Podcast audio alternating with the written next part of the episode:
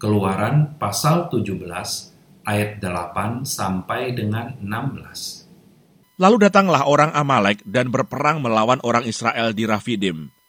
Musa berkata kepada Yosua, Pilihlah orang-orang bagi kita, lalu keluarlah berperang melawan orang Amalek.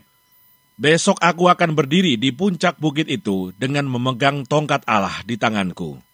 Lalu Yosua melakukan seperti yang dikatakan Musa kepadanya, dan berperang melawan orang Amalek. Tetapi Musa, Harun, dan Hur telah naik ke puncak bukit. Dan terjadilah, apabila Musa mengangkat tangannya, lebih kuatlah Israel. Tetapi apabila ia menurunkan tangannya, lebih kuatlah Amalek. Maka penatlah tangan Musa, sebab itu mereka mengambil sebuah batu, diletakkanlah di bawahnya, supaya ia duduk di atasnya.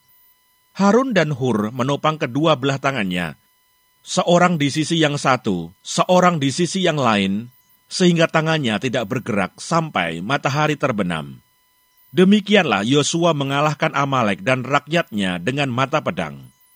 Kemudian berfirmanlah Tuhan kepada Musa, Tuliskanlah semuanya ini dalam sebuah kitab sebagai tanda peringatan dan ingatkanlah ke telinga Yosua bahwa aku akan menghapuskan sama sekali ingatan kepada Amalek dari kolong langit Lalu Musa mendirikan sebuah mesbah dan menamainya, Tuhanlah panji-panjiku. Ia berkata, tangan di atas panji-panji Tuhan. Tuhan berperang melawan Amalek turun-temurun. Sahabat, kemenangan bangsa Israel adalah kemenangan Tuhan. Mengapa? Karena kemenangan yang bangsa Israel dapatkan bukanlah karena mereka kuat atau pintar berperang. Bukankah mereka adalah budak yang digunakan bangsa Mesir untuk membangun di Mesir. Mereka mungkin belum pernah memegang pedang atau tombak, apalagi berperang.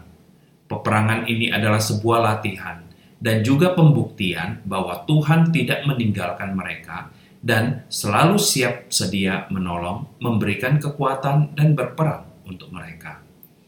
Jika kita memperhatikan peperangan ini, maka kita akan melihat bahwa sebenarnya mereka yang berperang adalah seperti alat di tangan Tuhan untuk menyatakan kemuliaan Tuhan. Mengapa? Kita diperlihatkan bahwa ada Musa, Harun, dan Hur yang ada di atas bukit. Pandangan mereka terarah ke medan peperangan. Musa mengangkat tangannya, mereka kuat dan menang. Ketika Musa menurunkan tangannya, mereka lemah dan kalah. Ketika Harun dan Hur menopang tangan Musa, Kerjasama ini yang Tuhan inginkan. Setiap orang tidak boleh menjadi penonton di dalam peperangan Tuhan. Semua memiliki bagian masing-masing. Sahabat, Tuhan ingin kesatuan dan kerjasama yang kuat dan indah di antara umat pilihannya. Agar tidak ada yang sombong dan berkata, kemenangan ini adalah karena kekuatanku. Sebagai pemimpin, Musa memainkan perannya Harun dan Hur sebagai pendamping memiliki bagiannya. Yosua yang berperang memiliki perannya untuk memimpin bangsa itu berperang. Demikian juga ketika kita hidup bergereja, setiap kita memiliki peran masing-masing. Yang terpenting adalah setiap kita memainkan dengan baik peran masing-masing.